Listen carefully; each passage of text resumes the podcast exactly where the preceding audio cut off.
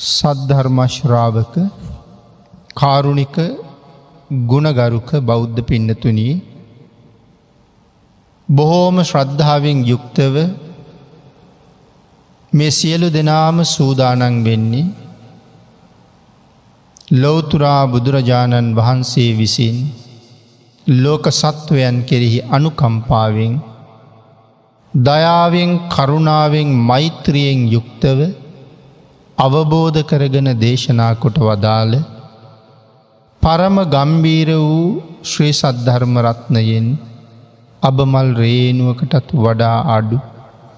බොහෝම පුංචි කොටසක් දේශනා කරවගෙන ධර්ම ගෞරවය පෙරදැරි කරගෙන දේශනාගත ධර්මය ශ්‍රවණය කරන්නත් එසේ ධර්මශ්‍රවණය කිරීමෙන් ලැබෙන අවවාද අනුශාසනා තම තමන්ගේ ජීවිතවලට එකතු කරගෙන වඩාත් නිවැරදිව මෙලව ජීවිතය සකස් කරගෙන සුගතිගාමී වූ පරලොව ආයිති භවයකින් සැනසෙන්ඩත් අවසන ප්‍රාර්ථනා කරන බෝධීෙන් අමාමහ නිවනින් සැනසීම උදාකර ගැනීමේ පරමාර්ථයත් ඇතුවයි. සද්ධර්මශ්‍රවනය කරන්න සූදානන් වෙන්න. පෙනතින උතුම් වූ බලාපොරොත්තු මුදුන්පත් කර ගැනීම වෙනුවෙන් ධර්මශ්‍රවනය කරන ඔබ හැම කෙනෙක් උදෙසාම භාගිතුන් වහස දේශනා කොට වදාලා මහත් වූ බලාපොරොත්තුවක් පෙරදැරි කර ගනම ධර්මශ්‍රවනය කරන්න කියන. ඒ බලාපොරොත්තුව තමයි මේ ධර්ම දේශනාව ශ්‍රවණය කරන අතරතුරදීම මාගේ පංච නීවරණ ධර්මයන් යටපත් වේවා. සප්ත බෝධ්‍යාංග ආදී ධර්මයන් වැඩි දියුණු වේවා. මේ දේශනාව අතරතුරදීම මට උතුම් මාර්ගයක් පලයක් අවබෝධ වේවා කියන ප්‍රාර්ථනාවෙන් යුක්තවම ධර්මශ්‍රවනය කළ යුතු බව. අපි උත්සාහ කරමු ඒ ප්‍රාර්ථනාවට අනුව ධර්මශ්‍රවනය කරන්න. පිනතුන අද ධර්මදේශනාවේ මාතෘකාව හැටියට මම යොදාගත්තේ ත්‍රිපිටකයේ මජ්්‍යම නිකායේ සඳහන් වෙන දක්ෂින විභංග සූත්‍රයට කරුණු පැහැදිලි කරන දක්කිනා විභංග සූත්‍ර අට්ට කතාව ඇසුරු කරගෙන ධර්ම දේශනාව සිදු කරන්න. සමහර විට දක්කින විභංග සූත්‍රය අටුවාවට අනුව පැහැදිලි කෙරෙන මේ කාරණාව ධර්මදේශනා කීපයක්ම ඔස්සේ පැහැදිලි කරන්න අවස්ථාව උදාවෙන්ඩ පුළුවන්.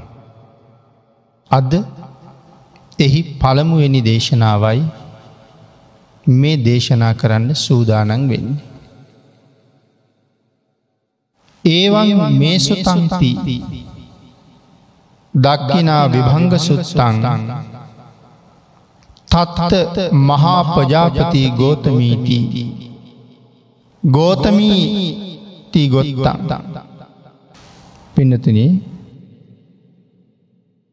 මෙසේ දක්කිනා විභංග සූත්‍රය මහා ප්‍රජාපති ගෝතමී අරමුණු කරගෙන දේශනා කරන්නට යෙදෙන. විශේෂයෙන් සඳහන් කරනවා ප්‍රජාපති ගෝතමී යනු කවුද කියන කාරණාව. මෙ නම කොහොමද ලැබුණෙ කියන කාරණාව. ගෝතමින් වහන්සේට නං තියෙන දවසේ බ්‍රාහ්මණවරු කැඳවලා ඒ අයට සත්කාර සම්මාන කරලා විශේෂයෙන් සිහිපත් කළා මේ දරුවට සුදුසු නමක් යෝජනා කරන්න කියලා. බ්‍රාහ්මණවරු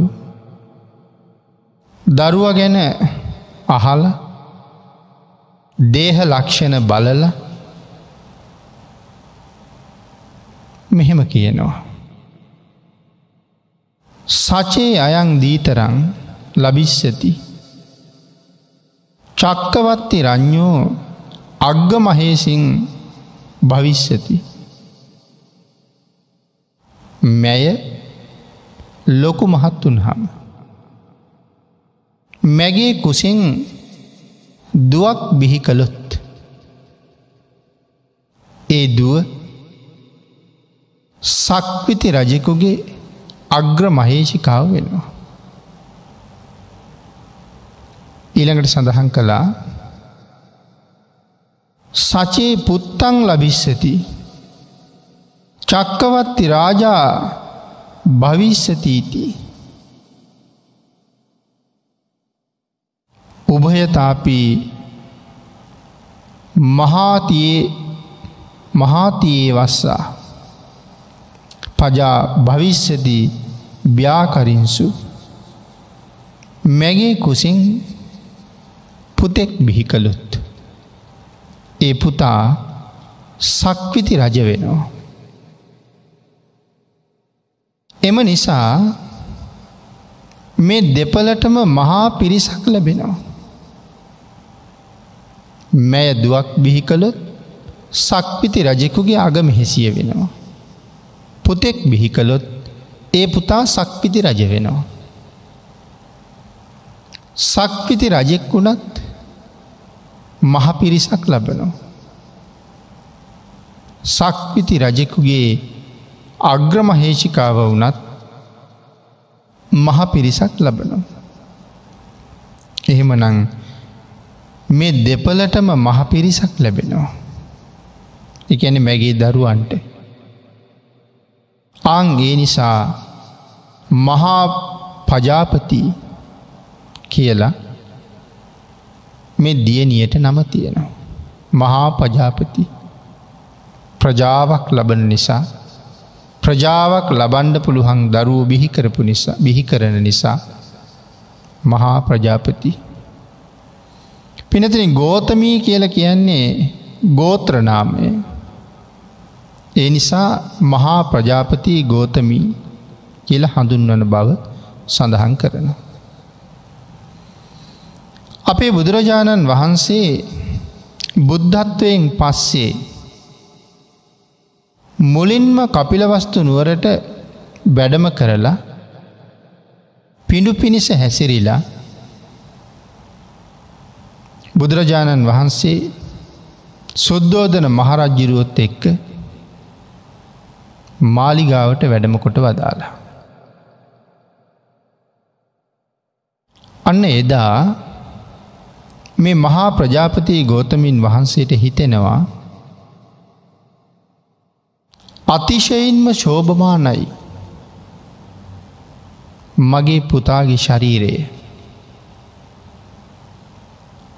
ඒ කාන්තයෙන් ශෝභමානයි මගේ පුතාගේ ආත්මය එහෙම හිතල ඉතාම බලවත් සතුටක් උපදී. අපි පිනතුන් දැන් දන්නවා මහා ප්‍රජාපති ගෝතමින් වහන්සේ කියල කියන්නේ අපේ භාගිතුන් වහන්සේගේ සුළු මව. මහා මායා දේවින් වහන්සේ කළුරිය කලාට පස්සේ එම නැත්තං මහා මායා දේවින් වහන්සේ මෙලවින් සමුගත්තට පස්සේ සිද්ධාර්ථ මහබෝසතාණන් වහන්සේ හදල වඩල පෝෂණය කරන්ට යෙදනි මහා ප්‍රජාපති ගෝතමින් වහන්සේ විසි. තමන්ගේ පුතා කිරිමව්වරුන්ට දීලා. ඊට වඩා වැඩි සෙනෙහසක් මහා බෝසතාණන් වහන්සේට වහන්සේ කෙරෙහි ඇති කරගන ඉතාමත්ම සෙනෙහසින් හදල වඩල පෝෂණය කළා. අවුරුදු විසි නමයක් වෙනකංම පුත්‍ර රත්නය වෙනුවෙන් බොහෝ ඇප උපස්ථාන කළා කැප කිරීම් කළා සත්කාර සංග්‍රහ කළා නමුත් වසර ගණනාවකට පස්සේ ලෝතුරා බුද්ධත්වය ලබාගෙන ඉස්සිස්සරලාම කපිල වස්තුවට වැඩල රාජමාලිගාවට වැඩම කරපු දවසි. තමයි භාග්‍යතුන් වහන්සේගේ ශරීර දහතුව දැකලා මෙහෙම හිතුවේ. ඒ කාන්තයෙන්ම සෝභමානයි මගේ පුතනුවන්ගේ ආත්මය. එම හිතල බලවත් සතුටක් ඇති කරගන්න. ඉන් පස්සේ හිතනවා මගේ පුතා ගෙදර වාසය කරන කාලී යටත් පිරිසෙන් කෙසෙල් ගෙඩියක් පවා දුන්නේ මම ඒ කියන්න පින්නතුනී හැම දෙයක්ම මහබෝසතාණන් වහන්සේට මවගේ අතින් තමයි ලැබිල තියෙන්නේ. ඒකයි යටත් පිරිසෙන් කෙසෙල් ගෙඩියක් පවා දුන්නේ මගේ අතින් මයි කියල කියන්න. ඒ නිසා දැන් මම විසින් චීවර සාටකයක් සදල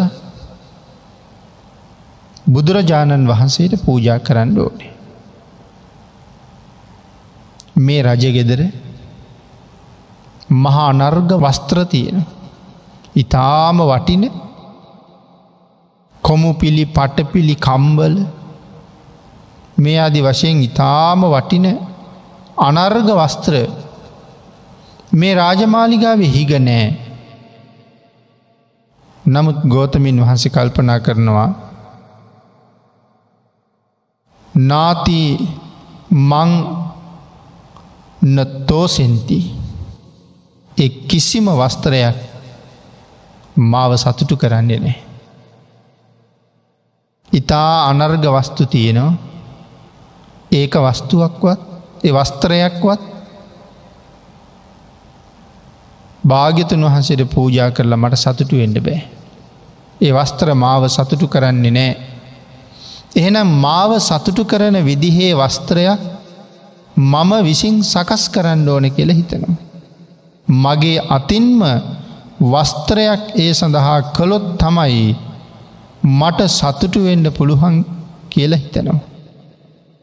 එහෙම හිතලා තමන්ගේ අතිම්ම වස්ත්‍රයක් සකස් කරලා භාගිතුන් වහසිට පූජා කරන්න කටයුතු කළා. වෙළඳ පොලට ගිහිල්ල කපු අරගෙන ඇවිල්ල පිහල හලල ඉතාම සියුම් නූල් කැටල තමන්ගේ මාලිගාවේ ඇතුලේ වෙනම ශාලාවක් කරවලා පිනතිනි මාලිගාව ඇතුළේ වෙනම ශාලාවක් කෙරෙව්ව කියල කීවට මාලිගා පරිශ්‍රය තුළ වෙන්ඩ පුළුවන්. මාලිගා පරිශ්‍රය තුළ වෙනම මාලිගාවක් හදලා වෙනම ශාලාවක් හදලා තමන්ගේ පිරිවර කාන්තාවනුත් එකතු කරගෙන වස්ත්‍ර සාටකය සකස් කරන්න අවශ්‍ය ශිල්පීනුත් කැඳවගෙන එම ශිල්පීන්ට හොඳට සැලකුවා. පිනතින ඉතාම වටිනවා මෙතන මේ කියන කාරණාව. ලොවතුරා බුදුරජාණන් වහන්සේට පූජා කරන්න තමන්ට අවශ්‍ය වස්ත්‍ර යුගලය සකස් කරලා දෙන්න ආපු ශිල්පීන්ට ඇය සලකපු හැටි තමන් පරිහරණය කරන ආහාරම ඒ අයටත් දුන්නා. තමන් පාවිච්චි කරන අනික් සම්පත් සියල්ල ඒ අයටත් දුන්නා. දීල මේ සේවකයෝ සතුටු කරල තමයි වස්ත්‍රය වියවගෙන තියෙන. හැම වෙලා මේ අයගේ හිතේ සතුට ඇති කෙරෙව්වා. අපි දුටු ගැමුණු මහරජ්ජුරු අනුරාධපුරේ මහසෑය හදන වෙලාවේ. ඒ වෙනුවෙන් වෙහෙසුන මහන්සි වන සියලු දෙනාටම ඕන තරන් කෑව යුතු දේවල් බීව යුතු දේවල් පිළියල කරලා තිබුණ. කැමති වෙලාවක ගිහිල්ල කණ්ඩ පුළුවන් කැමති වෙලාවක ගිහිල්ල පානීය ද්‍රව්‍ය පානය කරන්න පුළුවන් මුදල් ගෙවල වැඩ කරපු අයට වැඩගත්තා අයට එදා කාලේ දවසට ගෙවපු මුදලට වඩා වැඩි මුදල හැම වෙලාවෙම ගෙවන්න කටයුතු කළා. මොකද සේවක පිරිස හැම වෙලාවෙම සතුටින් තිබ්බා. සතුටින් තියලා සතුටු කරවලා තමයි තමන්ගේ කාරය කරවගෙන තියෙන. අපිට හොඳ අවවාදයක්. හොඳ මඟ පෙන්වීම. සමහර වෙලාවට සමහර කෙනෙක් තමන්ගේ කටයුත්ත කරවගණ්ඩ පිරිසක් යොදාගන්නවා නමුත් ඒ අයිගේ පහසුකන් ගැන අවශ්‍යතාවල් ගැන සැලකීමක් නෑ. සතියන්ති හරි මාසයන්තිමට හරි පඩිටික බේරන්න ගියහම ඒකත් බාගිට තමයි දෙන්නේ. නැත්තම් මග ඇරල යනවා. අපි කොයි තරම් පහත්ද. අපි කොයි තරම් දුරුවල දෙහෙම බලහම. අනුන්ගේ ශ්‍රමය වංචා කරලා. නමුත් පුුණ්‍යවන්තයෝ ඥානවන්තයෝ අනුන්ගේ ශ්‍රමයට වඩා වැඩි වටිනාකමක් දීල තියෙන. දීල ඒ සතුටු කරවලා තියෙනවා තමන්ගේ වැඩේ හරියටම හොඳටම කරගණ්ඩුවන නිසා. ගෝතමී දේවිය දවසින් දවස එතනට ඇවිල්ලා වස්ත්‍රය වියන නූල් ආදිය අගින් අල්ලලා දීල තියෙනවා. වරින් වර වරින් වර එතින්ට ඇවිල්ල තියෙනවා. වස්ත්‍රය වියනකොට ඒ සඳහා අවශ්‍ය නූල් ජාති වස්ත්‍රය වියන යන්ත්‍රයේ අගින් නූල් අල්ලලා ඒ කටයුතුවලට පහසුකං සපේලා තියෙනවා පහසු වෙන්ඩ කටයුතු කරලා තියෙනවා කියන එකයි මෙ සිහිපත් කරන්නට යෙදෙන. අන්න ඒ නිසා තමයි පින්නතුනී තමන් වියල දුන්න කියල සඳහන් කරන්න. මේ වස්තර තමන්ම වියල පූජ කලා කියල කියන්නේ එකයි. මේ සඳහා බොහෝ පිරිසක් නමුත් උදව් කරලා තියෙන. මේ වස්ත්‍ර සකසග. මොකද පින්නතුනී මෙතන සඳහන් කරනවා මමම සකස් කරලා පූජා කලා කියල කීවෙ කොහොමද ඇයි එහෙම කීවේ. කියන කාරණාව කවුරු හරි ඇහුවොත් මේ විශාල පිරිසක් සම්බන්ධ කරගෙන සිදු කලා නං මමම කලා කියල කීවේයි. ඒකට පැහැදිලි කිරීමක් සඳහන් කරන්න පුළුවන්. පිනතන අපි කියම අපි කුටියක් හදනව කියලා. කවුරුහරි ඇහුවොත් මේ දවස්වල මොකද කරන්නේ. අපි කියන මං කුටියක් හදනවානි මේ දවස්වල එතන වැඩ. එහෙම තමයි කිය. නමුත් පිඩතුනී මේසන් බාසුන් හැකි වැඩේ මට කරන්න බෑ. වඩු බාසුන් හැකි වැඩේ මට කරන්නත් බෑ. මම කරන්නේ කුටිය හදවන එක. එතෙන්ට ගියහම සමහර විට වැඩ කරන අයට අත් උදව් දෙන්න යෙදෙන්න්න පුළුවන්. අත් උදව් දීල උපකාර කරන්න පුළුවන්. නමුත් ඒ සඳහා අන් සියලු දේවල් සපයන්නේ මම නිසාම සඳහන් කරන මම කුටියක් හැදුව කියලා. මම කුටියක් හදල පූජා කලා කියලා. අං ඒවාගේ තමයි වස්ත්‍රය සකස් කරන්න අවශ්‍ය ශිල්පීන් ගෙන්නලා ඒ අය වස්ත්‍රය කරගෙන යන අතරේ ඇතැම් ඇතැම් වෙලාවල් වල ගිහිල්ල නූල් එහෙම අල්ලලා ඒ සඳහා පහසුවක් කරලා තියෙනවා. සම්මාදන් වෙලා තියෙනවා කියලා. තං සන්ධායේ තං බුත්තං අං ඒකයි මෙතන තමන් විසින්ම සකස් කලා කියල කියන්නේ. ඉළඟට සඳහන් කළා වස්ත්‍ර යුගලය වියමනය කටයුතු ඉවර වුණ හම කෙන වස්ත්‍ර යුගලයේ සකස් කරලා ඉවර වුණ හම එම ශිල්පීන්ට බොහෝ සත්කාර කරලා එයට තවත් සතුටු වෙන්ඩ තවත් බොහෝ උදව් කළා. බොහෝම සත්කාර කළා සතුටින්ම පිටත් කෙරෙව්වා. සතුටින්ම වැඩගත්ත සතුටු කරවලාම වැඩගත්තා සතුටු කරවලාම පිටත් කළා. ප්‍රජාපති ගෝතමින් වහන්සේ මේ වස්ත්‍ර යුගලය සුවඳ කරඩුවක තැම්පත් කරලා සෑහෙන කාලයක් තියෙනවා. වස්ත්‍රයට සුවඳ කැවෙන්ඩ ඕන නිසා. සුවඳවත් වෙන්න ඕන නිසා. දැන් සුවඳ කැවුණ ඇති කියලා හිතුනට පස්සේ තීරණය කරනවා මේක දැන් භාගිතුන් වහසට පූජා කරන්න ඕනෑ. මගේ පුතාට දැන් මේ වස්ත්‍ර යුගලය පූජා කරන්න ඕන කියල කල්පනා කරලා මහරජ්ජිරුවන්ට ගිහිල්ල කියන්ව ස්වාමීනී මම විසින් සැකසූ ඒ වස්ත්‍ර යුගලය දැන් පූජා කරගන්න කාලයයි කියලා. එහෙම සඳහන් කරහම පින්නතුනී රාජ මාලිගාවින්දලා භාග්‍යතුන් වහන්සේ මේ කාලේ වැඩඉන්න නිග්‍රෝධාරාමය දක්වා. මාර්ගය මනාව පිරිසිදු කරලා මග දෙපස පුන් කලස් තියලා දජ පතාක ඔසවලා මුළු පාරම සම්පූර්ණයම මල්වලින් වහල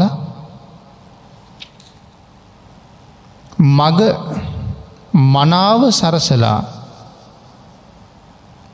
කටයුතු පිළියල කරලා දුන්න හම මහා ප්‍රජාපති ගෝතමී දේවිය සියලුම අලංකාරවලින් සැරසිලා.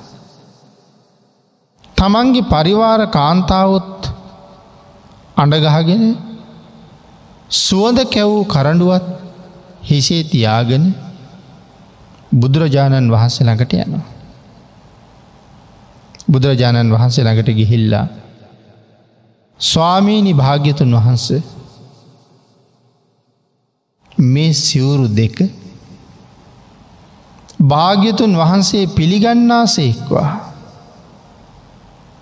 කියල බුදුරජාණන් වහන්සේට ඉල්ලීමක් කළා.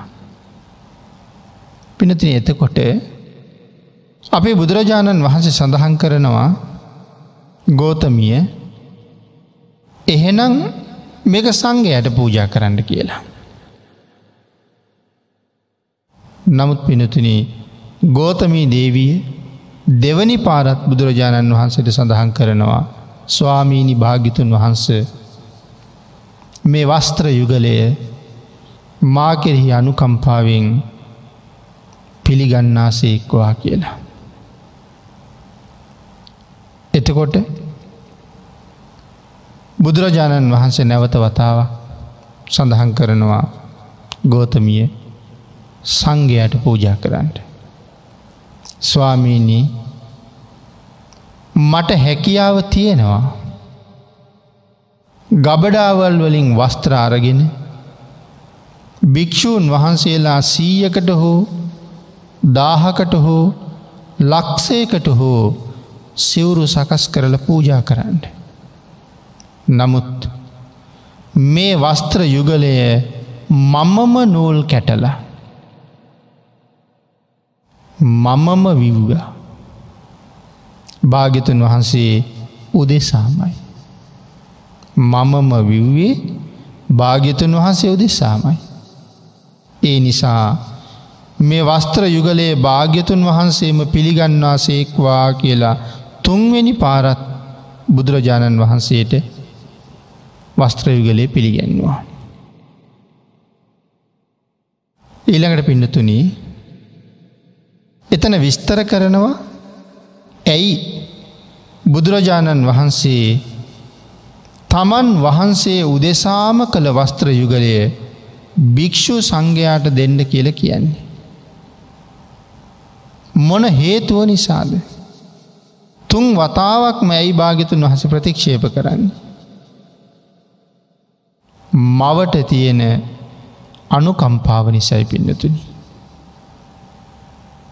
බුදුරජාණන් වහන්සේ මේ විදිහට හිතනවා. තමන්ගේ මෑණියන්ට තියෙන අනුකම්පාව නිසා භාගිතුන් වහස මෙහෙම කල්පනා කරනවා. මැය මම උදෙසාම පූර්වචේතන මුංචන චේතනා අපරචේතනා කියන තුන් චේතනාවම පහල කරගෙන මේ වස්ත්‍ර යුගලයේ සකස් කරලා තියෙනවා. මෑට මේ තුන් චේතනාවම ඉපදිලා තියෙනවා. මේ චේතනාවන් භික්‍ෂු සංඝයා උදෙසාත් උපදීවා මා කෙරෙහි පූර්ව මුංචන අපර වශයෙන් ඉපදුන මෙ පිරිසිදු චේතනා මහා සංගරත්නය උදෙසාත් උපදීවා. එතකොට චේතනා හයක් වශයෙන් එකතු වෙලා ප්‍රජාපති ගෝතමයට බොහෝ කාලයක් හිතසුව පිණිස මෙම කුසල කර්මය පවතිනවා. එතකොට භාගිතුන් වහන්සේ වස්ත්‍රයුගලය ප්‍රතික්ෂේප කරන්නෙම තමන්ගේ මෑණියන්ට වැඩියෙන් පින් සිද්ධ කරවන්ට. ඇයට චිරාත් කාලයක් සැපවිඳින් අවස්ථාව හදල දෙෙන්ට. නමුත් පින්නතුනී අන්‍ය මතවාදීන් මේ කාරණාව නිසා මෙන්න මෙහෙම කියනවා කියල සඳහන් කරන. අන්‍ය මතවාදීන් විතන්ඩවාදීන් කියල කියනවා. කොහොම සඳහන් කරනවාද විතන්ඩවාදී පනාහ විතන්ඩවාදීන් සඳහන් කරනවලු සංගරත්නයට පූජා කරහම මහත් පල වෙන නිසා බුදුරජාණන් වහන්සේ එහෙම දේශනා කලා කියලා. ඒ අයට මෙන්න මෙහෙම උත්තරයක් දෙන්න ඕන කියල සඳහන් කරන. ඒඇන භාගිතුන් වහන්සේ කොයිම මොහොතකවත් හිතන්නේ නෑ සංගරත්නයට පූජා කරහම භාග්‍යතුන් වහන්සේට පූජා කලාට වඩා මහත් පල වෙනවා කියලා. නමුත් මේ අන්‍ය මතවාදීන් විතන්ඩවාදීන් තමයි කියන්නේ සංගරත්නයට පූජා කරහම මහත් පල වෙන නිසා එහෙම ප්‍රකාශ කලා කියලා. සංගේ දින්නං මහප් පලන්ති තස්මා ඒවන් උත්තන්ති. අං එහෙම හිතන අයට මෙන මෙහෙම උත්තරයක් දෙන්න කියල සඳහන් කරනවා. කින් තුවං සත්තු දෙන්නතෝ සංගේ දෙන්නං මහප්පලතරං වදාඊති ආම වදාමීති. කෙසේද භාග්‍යතුන් වහන්සේට දෙන එකට වඩා තම් භාග්‍යතුන් වහන්සේට කරන පූජාවට වඩා සංග රත්නයට කරන පූජාව මහත් පල කියලද කියන්නේ.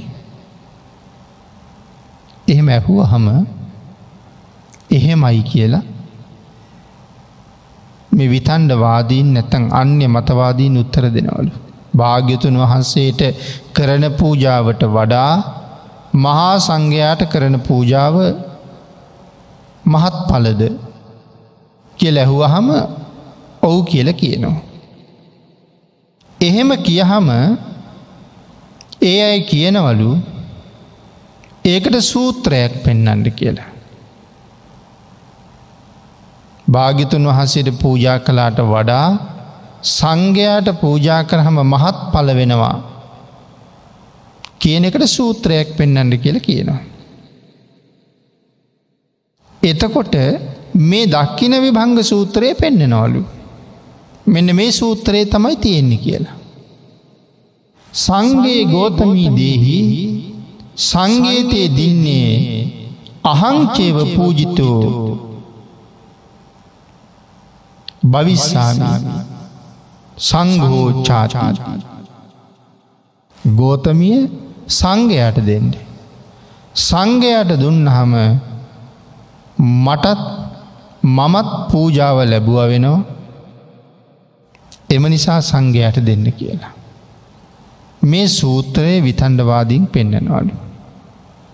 කින් පනස්ස සුගතස්ස අයමේ අත්තෝති සඳහන් කරනවා එතකොට අහන්ඩ ඕනැලු ඔය සූත්‍රයේ අර්ථය ඕකමද කියලා.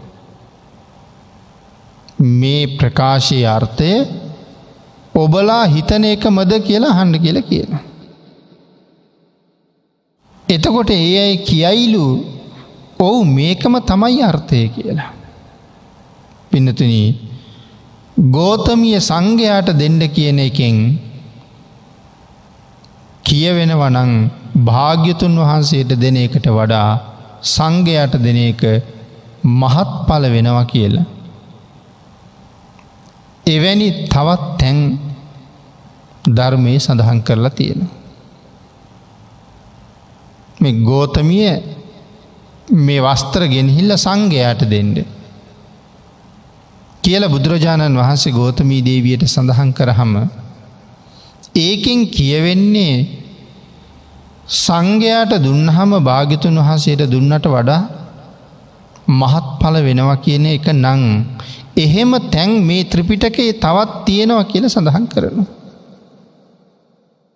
කොතනද යදි ඒවන් තේන හානන්ද විශ්වාසාදානං පූවන් දේහීති පිනතින සඳහන් කරනවා එහෙනම් ආනන්ද හිඟන්නන්ට කැවුම් දෙෙන්ට. තේනහි කච්චාන විගාසාදානං ගුලං දේහීති. එහෙනම් කච්චායනය පිනත මෙතන කච්චායනය කියල කියන්නේ ගිහි එක්කෙනෙකුටයි මේ කතා කරන්නේ මහාකච්ඡායන මහරහතන් වහන්සේට එහෙම නෙමේ. එහෙනම් කච්චායනය මේ හකුරු හිඟන්නන්ට දෙන්න. විගාසාදානං ගුලං දේහීති. මෙ හකුරු හිඟන්නන්ට දෙන්න. කියල දේශනා කරලා තියෙනවා. ආං එහෙම තැන්වලට අනුව හිතන්ඩ වෙනවා භාගිතුන් වහන්සේට කරන පූජාවට වඩා හිඟන්නන්ට දෙන එක මහත් පලයි කියලා. භාගිතුන් වහස මෙහෙමත් සඳහන් කරලා තියෙන. එනම් හිඟන්නන්ට දෙන එක භාගිතුන් වහසට පූජ කරනවට වඩා මහත් පලයි කියල තමයි හිතන්ඩ වෙන්නේ කියල සඳහන් කරනවා. භාග්‍යතුන් වහන්සේ තමන් වහන්සේට පූජා කරන එක අනුන්ට දෙනවා ඒක හරියට පින්නතුනී අමාත්‍යවරු විසින් රජුට නොයෙක් තෑගි අරගෙනාවහම රජ්ජුරුවෝ කියනවලු මේක අර ඇත් ගොව්වට දෙන්න කියලා. එතකොට රජුට වඩා ඇත් ගොව්වා ලොකුයිද කියලා හන. පිනතුනී ත්‍රිපිටකේ ඒ ගැන විශේෂ ගාථාවක් පෙන්නලා කරුණු සඳහන් කරලා තියෙනවා.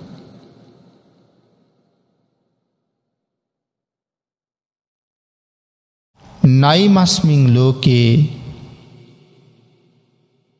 පරස්මින්වා පණ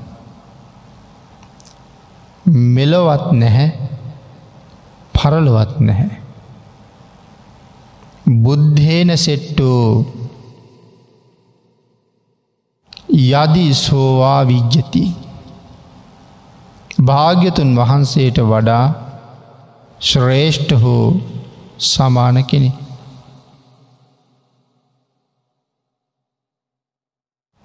යමාහු නෙய்යා නමක්ගතන් ගතු යම් ආහුනෙය සංඛ්‍යාත යමක් තියෙනවනං පුඤ්ඥන්තිකානං විපුල පලේසේ නන්ති පින්ම කැමති කෙනෙකුට විපුල පල ගෙන දෙන කෙනෙක් භාගිතුන් වහන්ස.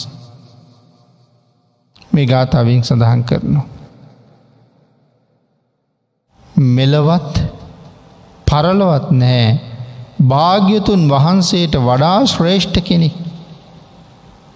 යම් ආහුනෙය සංඛ්‍යාත යමක් තියෙනවනං පින්ම කැමති කෙනෙකුට විපුල්ල පල ලබන්ඩ අවශ්‍යනං ඒ පූජාව කළ යුත්තේ බුදුරජාණන් වහන්සේටමයි. ඒ පූජාව පිළිගණ්ඩ භාග්‍යතුන් වහන්සේ තරං තවත් කෙනෙක් මේ ලෝකෙවත් පරලෝකෙවත් නෑ. පිනතනී. එම වචනය නිසාම භාග්‍යතුන් වහන්සේ උත්තරීතරයි. මේ ලෝකේ යම් කෙනෙකුගේ දානය ඉවසන්ඩ බුදුරජාණන් වහන්සේ තරම් තවත් සුදුස්සෙක් නෑ. භාගිතුන් වහන්සේට වඩා උසස් කෙනෙක් නෑ. අග්‍ර දක්කිනේය භාගිතු වහන්සේමයි. අති උදාරයි අති ශ්‍රේෂ්ඨයි ඉතාම මහත් පලයි භාගිතුන් වහන්සේ උදෙසා කරන පූජා. අං ඒ විදිහෙට චේතනා හයක් එකට එකතු වෙලා දීර්ඝ කාලයක් ගෝතමී දේවියට හිතසුව පිණිස පවතීවා කියන එක නිසා තුන් වතාවක්ම ප්‍රතික්ෂේප කරලා සංගරත්නයට දෙන්න කියලා භාගිතුන් වහස මතක් කරලා තියෙන. තමන් වහන්සේට පූජා කලාට වඩා සංඝයාට පූජා කරහම මහත් පල වෙන නිසා නෙමෙයි භාග්‍යතුන් වහන්සේ උදෙසාත් පූර්වචේතනා මුංචන චේතනා අපරචේතනා ඉපදිලා තියෙනවා. පිරිසිදු වෙලා තියෙන මහා සංගරත්නය උදෙසාත් මේ චේතනා තුනම පිරිසිදුවට උපදවල ගත්තහම ප්‍රජාපති ගෝතමින් වහන්සේට චේතනා හයකට අනුව ඉතා දීර්ඝ කාලයක් මහත්ඵල මහානිසංසදායක කුසල් ලබන්ඩ සැපවිපාක ලබන්ඩ පුළුහන් වෙන නිසා තමයි භාගිතන් වහන්සේ මේ විදිහට දේශනා කරලා තියෙන්. මතක් කරලා තියෙන්නේ කියන කාරණාව සඳහන් කරනවා. පින්නතුනී ලොවතුරා බුදුරජාණන් වහන්සේ ලෝක සත්වයාගේ දක්ෂිනාව ඉවසන්ඩ. කොයි තරන්නම් සුදුසුද. භාගිතුන් වහන්සේට යම් පූජාවක් කරහම එක මොන තරංනම් මහත්ඵල වෙනවද මහානිසංසදායක වෙනවාද. ඒ කාරණාවේ සීමාවක් නං නෑ. ඒ තරම්ම ආනිසංසදායකයි. නිමක් නැති ප්‍රමාණ කළ නොහැකි තරම්ම මහත් පලයි. භාගිතුන් වහසට කරන පූජාව. සංඝයාගෙත් මහ විශාල ගුණයක් තියෙනවා. පූජාව මහත්ඵල කරන්න හේතුවෙන මහා උසස් හැකියාවක් මහා සංගරත්නයට තියෙනවා. ආර්ය මහා සංඝයා වැඩ හිටිය.